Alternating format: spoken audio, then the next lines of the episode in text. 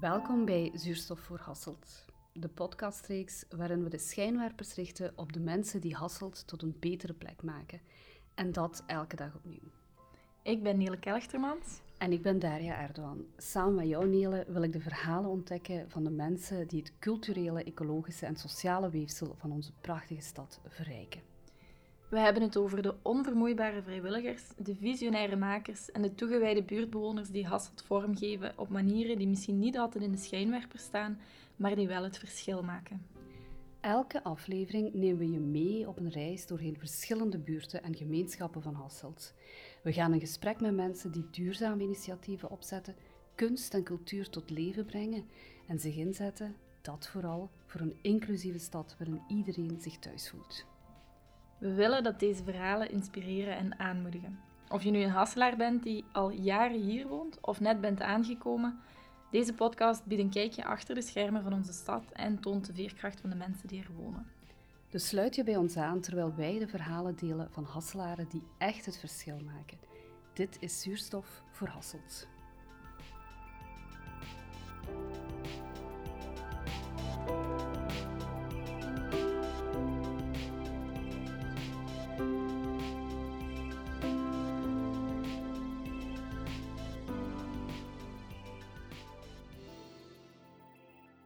Ben Paul Douwe, ben directeur van de gevangenis van Hasselt, nu ongeveer tien jaar. En de gevangenis van Hasselt is een van de grootste van het land. Uh, wij herbergen een 600-tal mensen, 550 mannen, 40 à 50 vrouwen.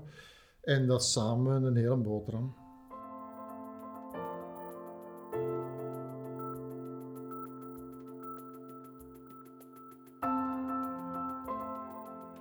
Dag Paul, allereerst uh, bedankt om met mij in gesprek te gaan over een onderwerp waar weinig, volgens mij heel weinig Hasselaren mee in aanraking, komen, maar toch wel een grote impact heeft op onze stad. Um, een leven na een gevangenisstraf.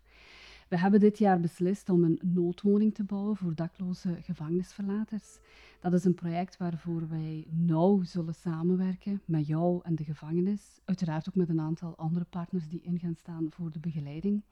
Maar voor wij daar dieper op ingaan, kun jij even voor mensen die hier nog nooit zijn geweest, even uitleggen wat hier allemaal gebeurt? De meeste mensen zijn hier uh, nog nooit geweest. En langs de ene kant gelukkig maar. Hè. Als je hier binnenkomt, uh, ja, omdat je veroordeeld wordt tot een gevangenisstraf, is meestal een pijnlijke zaak. Langs de andere kant is dat spijtig dat de meeste mensen nog niet geweest zijn, want ik vind het belangrijk dat mensen, dat, dat heel de samenleving eigenlijk weet wat zo'n gevangenis is, is, en wat er gebeurt met de mensen die hier terechtkomen, wat de gevolgen zijn. Uh, want dat is niet niks. Wij zijn als maatschappij spreken wij straffen uit via de rechtbanken. Wij houden ook mensen in voorlopige hechtenis via de onderzoeksrechters. Maar dat heeft een enorme impact op mensen in hun leven. Ik zeg ook niet dat de maatschappij dat niet mag doen. Integendeel, ik denk dat we het volste recht hebben om uh, bepaald gedrag af te keuren en te zeggen dat dat gaat. Of dat druist zo sterk in tegen de waarden en de normen die wij, die wij voorstaan, dat de maatschappij zegt: je mocht een tijd niet meer meedoen, je gaat een tijd achter slot en grendel. Maar we moeten dan bewust zijn wat er ook gebeurt en wat voor gevolgen dat op de mensen heeft. En dat is niet min. Wat is het profiel van de gemiddelde gedetineerde hier? Ja, dat is moeilijk te zeggen. Er is, allee, de meeste zijn mannen. En uh, ja, dat is moeilijk te zeggen, omdat we verschillende afdelingen hebben. Hè. We hebben twee, afdelingen waar mensen in verlopen hechtenis zitten. En we hebben mensen die eigenlijk relatief lange straffen uitzitten in Hasselt. Dat is ongeveer 50-50. 250 à 300 die, per groep, die cijfers wisselen nogal eens. Uh, van die mensen die lange straffen uitzitten. Allee, een gemeenschappelijk kenmerk is dat er een groot, een groot afhankelijkheidsproblematiek is. Heel wat van ons mensen, wij schatten ongeveer 60 procent, misschien zelfs iets meer, heeft een verslavingsprobleem. -hmm. Voor de meeste mensen zijn dat drugverslaving, kan alcoholverslaving, medicamentenverslaving, gokverslaving. Allee, er is een grote zuchtigheid. Dat is belangrijk in de, allee, dat heeft een belangrijke rol gespeeld voor de meeste mensen bij totstandkoming van, van het criminele gedrag, van de misdrijven. En is ook een cruciale factor waar we iets aan moeten doen, waar we ondersteuning moeten bieden in functie van het terug, op een fatsoenlijke manier terug naar buiten gaan. Uh, dat ten eerste. Ten tweede is, is, is er een, zien we dat de de, de, leeftijd van de mensen groeit, uh, stijgt. Hè. Wij, toen ik, ik ben ongeveer 40 jaar in dienst. Uh, 40 jaar geleden lag de gemiddelde leeftijd zo ongeveer rond de 25 jaar. Uh, nu zitten wij, ik ken het cijfer niet exact, maar we zo dicht tegen de 40 jaar aan zitten. Dat wil eigenlijk zeggen, we hebben nog, nog altijd een groep heel jonge mensen. Dat wil eigenlijk zeggen dat de groep oudere mensen toeneemt. Dat wil ook zeggen dat we in de gevangenissen nieuwe problemen aan het krijgen zijn. In sommige afdelingen zijn, of sommige gevangenissen zijn er al bijzondere afdelingen voor, voor oudere mensen. We rekenen in de gevangenis 55 plus uh, aan het oprichten. Omdat, ja, we zeggen 55 plus, omdat de meeste mensen die hier zitten wel allee, een, een, zo intensieve uh, levenscyclus gehad hebben dat ze nee, wat sneller oud geworden zijn dan de gemiddelde Belg die een meer rustig bestaan gehad heeft. Hè. Daar berekenen we vanaf 55 de...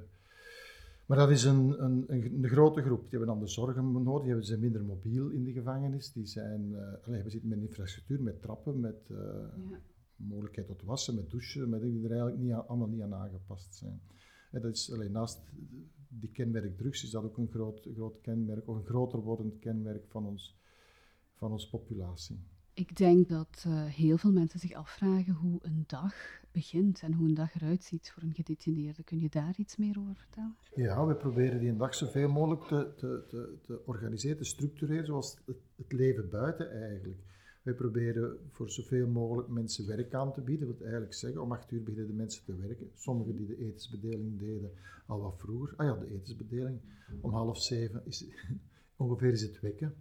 In de, in de weekdag, hè, dan wordt er, uh, dat is ook omdat de ochtendploeg begint om zes uur, ja, dat is in functie daarvan. Hè, dat, mhm. dat die goed gesetteld zijn en de, de taken zijn overgenomen, dan gaan die overal een ronde doen, we noemen dat wekken.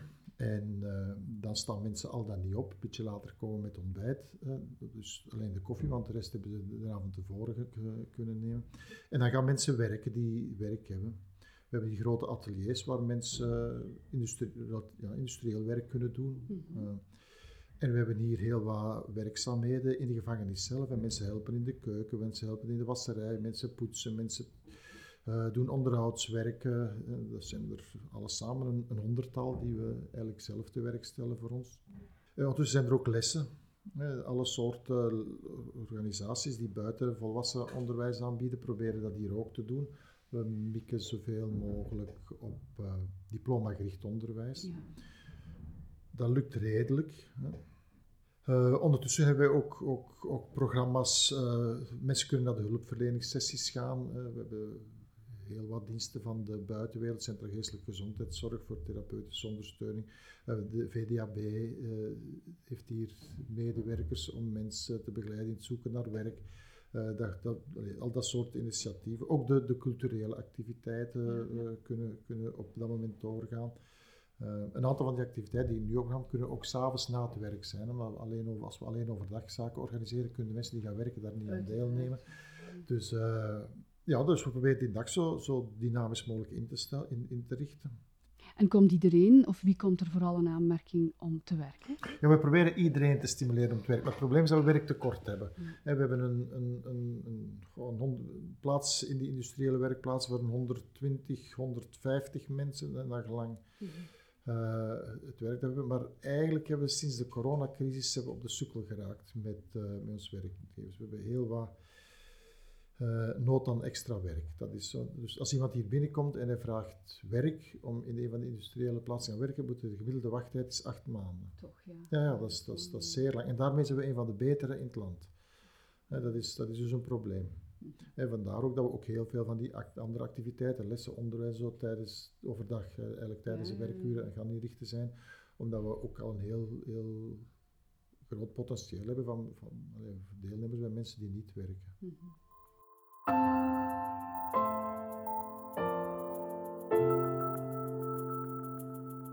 Heb uh, hier een woord geleerd afgelopen jaar, hè, sinds dat wij in gesprek zijn uh, met elkaar, uh, betreft die samenwerking.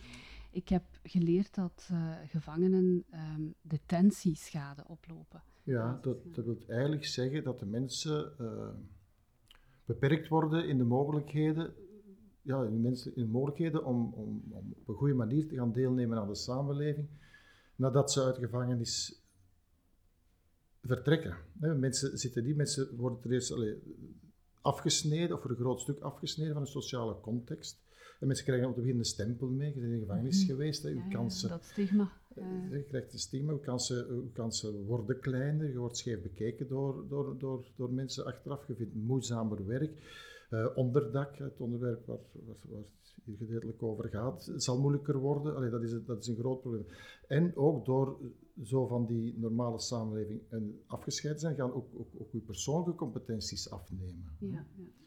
Dat, eh, en mensen komen hier, mensen horen, of de bevolking hoort dat niet graag, maar als we mensen gewoon in de gevangenis zetten zonder extra zorg, zonder extra ondersteuning, dan komen ze er per definitie slechter uit dan dat ze er binnengekomen zijn. Ik heb nog een vraag voor jou betreft inspanningen om bijvoorbeeld in te zetten op talenten van gevangenen. Eh, jullie doen dat door bijvoorbeeld heel laagdrempelige initiatieven, bijvoorbeeld dat mo- moestuinieren, dat is onlangs opgestart. Er wordt ingezet op een bibliotheek en sporten voor gedetineerden, maar ook op kunst en cultuur. Waarom is dat zo belangrijk? Ja, dat is voor de gedetineerden juist zo belangrijk als voor elke gewone burger in de maatschappij. Mensen worden opgesloten, maar dat blijven mensen met, met dezelfde menselijke behoefte aan, aan, aan, aan kennis, aan onderwijs, aan cultuur, aan sport, aan, aan alle aspecten in die, die, die belangrijk zijn voor, voor mensen om zich te ontwikkelen of, of, of blijvend mens te zijn en te groeien als mens. Dat is voor de gedetineerden niet hetzelfde, hetzelfde als voor de mensen buiten. En als we mensen daarvan helemaal afsluiten, dan, dan ontmenselijken ze. En dan wordt, wordt het nog veel, nog veel moeilijker om ze op een fatsoenlijke manier te laten reintegreren na hun, hun, opsluiting. Dus het is van ontzettend belang is dat mensen in de gevangenis zich zoveel mogelijk volwaardige, eigenlijk zelfs volwaardige burger van de maatschappij kunnen voelen, kunnen voelen en zoveel mogelijk positieve mogelijkheden hebben om, om, om, om zich te uiten en ook om te groeien, ook om te leren, ook om vaardig, nieuwe vaardigheden eh, aan te leren om beter te kunnen functioneren achteraf.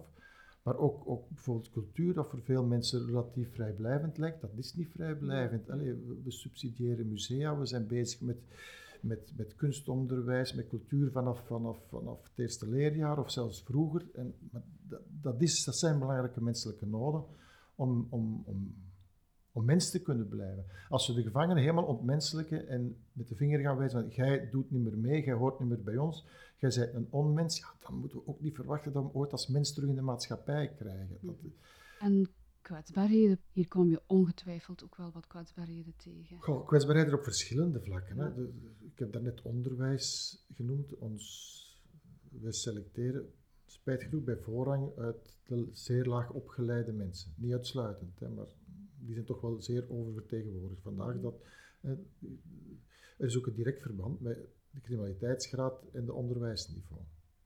Ja, dus vandaar dat het heel belangrijk is om in te zetten op onderwijs in gevangenissen. Ja. Mensen moeten, de maatschappij wordt ook altijd maar ingewikkelder. Het wordt, wordt eh, voor ons mensen ook altijd maar moeilijker om, om ja, al die vaardigheden, of om, over al die vaardigheden te beschikken die, die, die, die, die verwacht worden.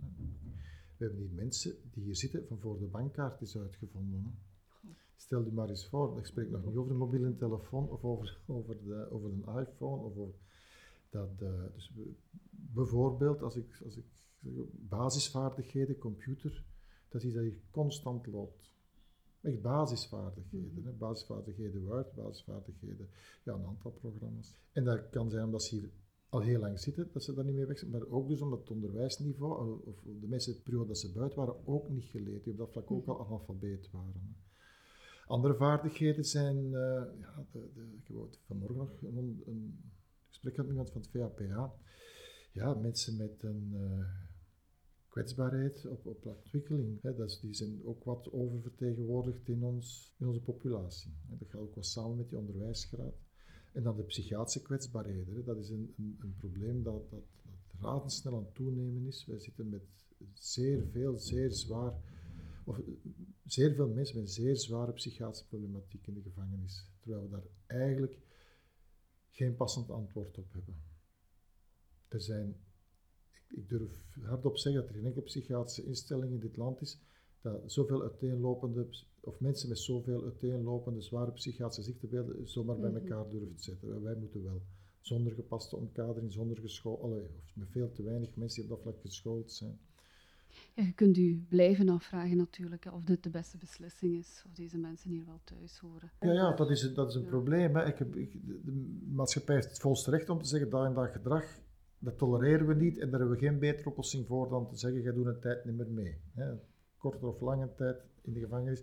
De maatschappij moet er goed over nadenken voordat zoiets beslist. Maar allee, er zijn natuurlijk omstandigheden waar dat we beter een ander, antwoord op geven om te vermijden dat gedrag zich blijft stellen. En dan zeggen we, god, god ja, de, de psychiatrische de afhankelijkheidsproblemen. Als slachtoffer kan het mijzelf niet veel schelen of ik nu beroofd ben door een druggebruiker of door een normale mens die dat als beroep vindt dat hem dat zo moet doen. Ik ben mijn portefeuille, ik ben mijn geld kwijt of, of ben een auto kwijt. Alleen we moeten zorgen dat het slachtoffer niet in de kou blijft staan. Wat ook de, de, de, de, de problematiek is bij, bij de dader. Maar dan denk ik als maatschappij toch, toch moeten bezinnen dat iedereen zomaar op een hoop zetten, wat ongeacht welke politiek is, dat dat geen, geen antwoord is. Dat is een van de redenen waarom dat onze recidivegraad nog altijd zo hoog is. Hè.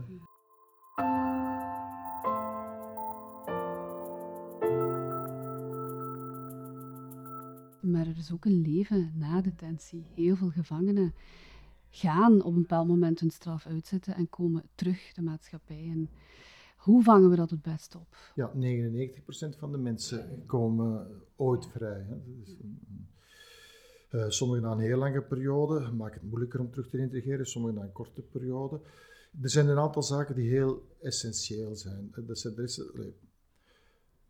of ik ga eerst iets anders vertellen. Een, een, oh, sinds de Eerste Wereldoorlog en sinds dat universiteiten studies begonnen te doen over hoe mensen samenleven en, en hoe dat ze de normen volgen of niet volgen, er zijn er heel veel studies gedaan en, en ja, dat, de meest uiteenlopende resultaten worden, of hypotheses worden naar voren, naar voren gebracht over wat maakt het nu dat iemand als men in de gevangenis geweest is nog opnieuw uh, recidiveert of nog terugkeert in de gevangenis. Wat zijn daar de redenen van? En er is eigenlijk één constante in al die onderzoeken. Dus in, de, in welke mate is iemand nog, nog, nog ingeborgen in de maatschappij? In welke mate kan hij ergens terecht? En niet alleen heeft hij onderdak, wat een ontzettend belangrijk element is, maar zijn er ook nog andere mensen die om hem geven en waar hij een relatie mee kan uitbouwen, of waren er oude relaties die nog doorge, doorgelopen zijn. Uh, dat maakt eigenlijk, eigenlijk of iemand, allez, dat is de belangrijkste factor of iemand terugkeert in de gevangenis, of iemand opnieuw stappen zet naar, naar misdrijven, of iemand ja, het rechte pad zal kunnen eh, bewandelen. De meeste mensen die hier buiten gaan, allez, ik denk 90%, is er echt van overtuigd en nu ga ik mijn best doen om niet terug te komen. Ja. We hebben ook nog een 5 à 10 procent professionelen, hè, ja, die, die zeggen van ik, ik, dat is mijn werk, ik doe gewoon verder. Die mensen bestaan, we daar ook niet, niet, niet onnozel over doen. Maar de grote meerderheid, als ze hier buiten gaan, die willen daar echt iets van maken om iets niet... De meeste daarvan, of heel veel daarvan, kunnen zich dat ook realistisch inschatten van hoe slechte mogelijkheden liggen soms. Hè. En het ergste vooral is nergens naartoe kunnen. Als je nergens naartoe komt, en spijtig genoeg valt dat nog altijd voor, wij stellen mensen vrij, die staan hier aan de deur, die kijken naar links, die kijken naar rechts en zeggen, ik zal maar naar daar gaan, die weten waar naartoe. Dat is 100% zeker keren die terug. Zullen die opnieuw stappen zetten die we, of, of daden stellen die we niet graag hebben, zullen ze terug voor de rechter komen en zullen ze terugkomen. Dus als mensen nergens terechtkomen, is bijna garantie op uh, nieuwe misdaden. Ik heb ook begrepen dat wij, um, we zijn een grote gevangenis, 550 tot 600 personen die hier worden opgevangen op dagbasis, maar er is ook een immense uitstroom. Ja. Ongeveer 1000 personen jaarlijks, dat klopt toch? Ja. En 60% van die personen blijft in Limburg. Ja. Dat, is, uh, dat zijn de cijfers die ik heb meegekregen. Ik begrijp ook dat er ja, na uitstroom en je hebt net een aantal redenen gehaald dat het cijfer van recidieven enorm hoog is. Hè. En dat heeft te maken met een aantal kansen die wij mensen ontnemen. Hè. Een, een, kans om onderdak te vinden, om, om te verblijven, ergens veilig te verblijven, dat is een van de eerste redenen. Nu, als uh, stadsbestuur en als samenleving kun je natuurlijk ook niet wegkijken van deze problematiek. Wij proberen daar op in te zetten door een noodwoning in te richten waar wij um, vier ex-gedetineerden zullen opvangen. Is het een meerwaarde dat we hierop inzetten? De vraag stelt is bijna ze beantwoorden. Hè. Ik heb dat, dat net ook, ook aangehaald. Als mensen nergens terug terecht kunnen, en het eerste element in ergens terecht kunnen is onderdak. Ja. Dan komen ze bijna zeker terug. Dus ja, Het antwoord is overduidelijk. Dat is een zeer belangrijke stap. Al gaat dat over vier mensen. Vier mensen, dat is, dat is, we gaan de wereld daar niet mee veranderen. Maar vier mensen zijn vier mensen. Die voor een beperkte tijd uh, ergens een veilig onderdak hebben en van daaruit kunnen verder begeleid worden naar, naar zelfstandig wonen en leven. Dat is een enorm goed initiatief. En dat gaat, gaat... Kijk, we maken ons soms de illusie van, van, van hoe langer we mensen in de gevangenis steken, hoe, hoe, hoe, minder misdrijven we gaan krijgen. Maar eigenlijk is, is, is bijna het omgekeerde waar. Ja, we, we, moeten mensen op een zo ondersteund mogelijk, op een zo goed onder, mogelijk ondersteunde manier terug buiten krijgen. En daar, daar ligt de clue. Dat, uh, en dan zijn zo'n noodwoningen eh, een zeer goed initiatief. Dat, uh, en als je mij vraagt, zouden andere gemeenten dat ook moeten doen? Ik ben vragende partij om, om veel plaatsen noodwoningen op te richten. En, of, of, vergelijkbare initiatieven, want het hoeft niet altijd een noodwoning te zijn. Er zijn ook, ook transitiehuizen, er zijn detentiehuizen. Er zijn, allee, nadruk op kleinschalige opvang voor gedetineerden en ex-gedetineerden is, is mhm. denk ik een van de belangrijkste elementen om in de toekomst onze bevolking recht in de ogen te kunnen kijken en zeggen we besteden ons middelen op een manier waarop dat we effectief iets doen aan een samenleving met minder delinquentie en minder, criminaliteit. Zoeken naar een geschikte locatie of een geschikte buurt, dat was een uh, zeer moeilijke opdracht. We zijn er uiteindelijk geraakt. En al bij al hebben we samen ook een infomoment uh, georganiseerd. We hebben deelgenomen aan dat infomoment voor de buurt. Al bij al reageerden ze eigenlijk heel goed. Was er weinig weerstand. Ik moet u gelijk geven, hè. ik was daar ik vond het een zeer positieve ervaring. Hè. Je had me gevraagd om mee te komen. Ik had daar een beetje schrik van. Ik denk, oei, daar gaan allemaal veel tegenstanders zitten. En we gaan bagger over ons krijgen. En, die, en de mensen gaan zeggen, ja, ja, dat is allemaal goed en wel, maar het moet ver van ons bed zijn. En eigenlijk was het tegendeel, waar mensen stelden vragen, soms ook kritische vragen, dat is nu volgens terecht, maar ik, ik, had het gevoel dat daar een, een, een positief draagvlak aanwezig was. Mensen zijn soms wel, of zijn slimmer dan dat we soms wel denken. Als je de kranten leest en de media leest, dan is dat de paniekverhalen en, en de negatieve zaken komen, komen, komen, komen van dat heel wat populistische slogans worden gevolgd. Maar als je rechtstreeks met de mensen gaat praten, dan denk ik de mensen zijn wel, wel, wel, wel slim genoeg om, om doordachte oordelen te kunnen vellen.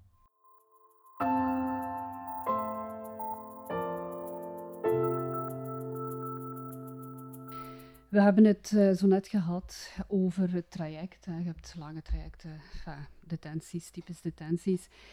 Um, dus we weten ook ondertussen waarom, met welke reden mensen hier toe komen. Maar hoe ben jij hier eigenlijk terechtgekomen? Goh, dat is een vraag eigenlijk redelijk bij toeval. Ik heb, ik heb criminologie gestudeerd in het ver verleden.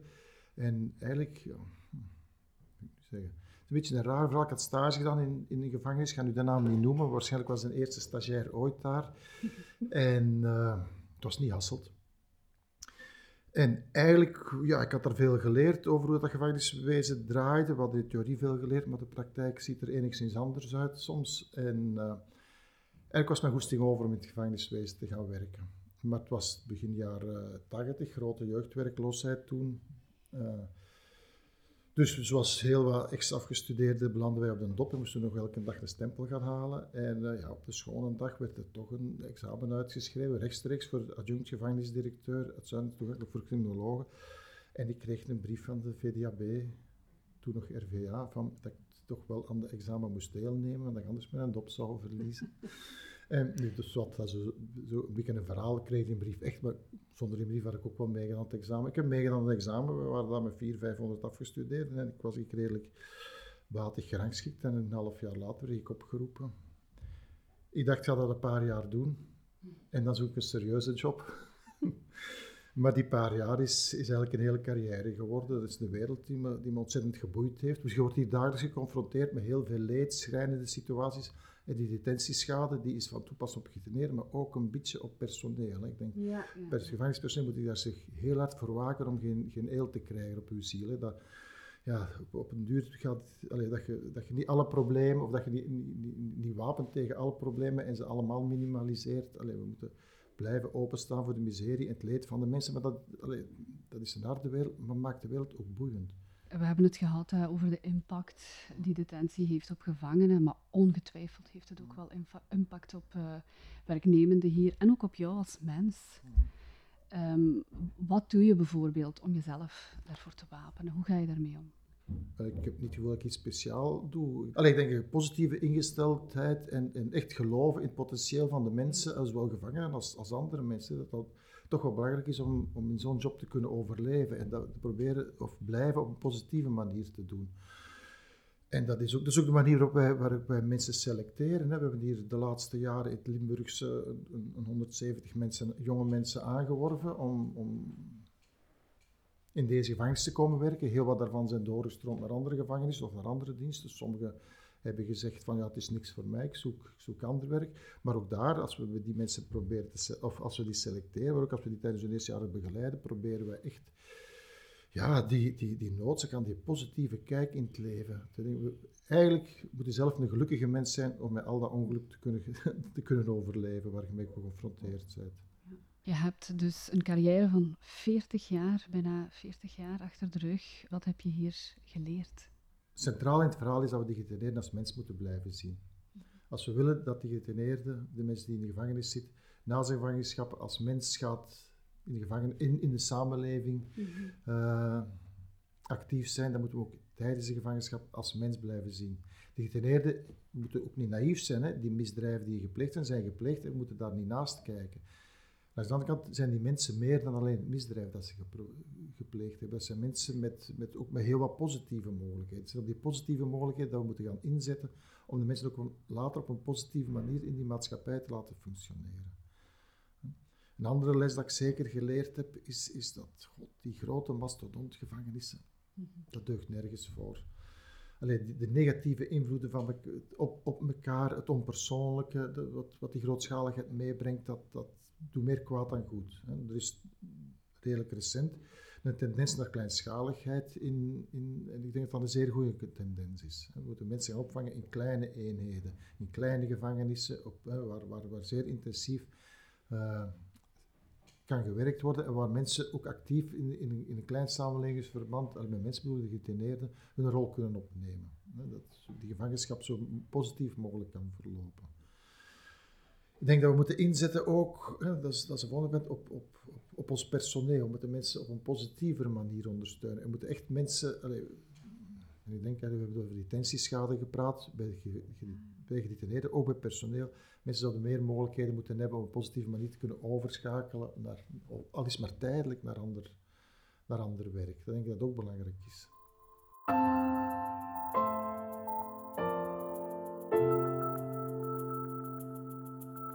Om af te sluiten zou ik misschien willen meegeven, Paul, dat uh, mijn beeld als mens uh, op gedetineerden en het gevangenisleven enorm is veranderd.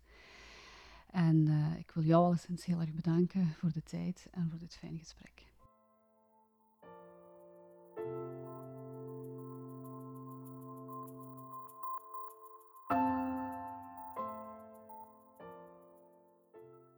Bedankt dat je hebt geluisterd naar Zuurstof voor Hasselt. Wij hopen dat dit interview je heeft geïnspireerd en je kan aanmoedigen om zelf een verschil te maken in onze stad. Als je meer wil weten over de mensen en initiatieven die je in deze reeks hebt ontdekt, bezoek dan onze website voor aanvullende informatie en bronnen. Je vindt de link in de beschrijving van deze aflevering. Wil je reageren op een aflevering? Contacteer ons gerust. We willen graag horen wat jou inspireert en hoe jij bijdraagt aan de positieve verandering in Hasselt. Tot de volgende keer.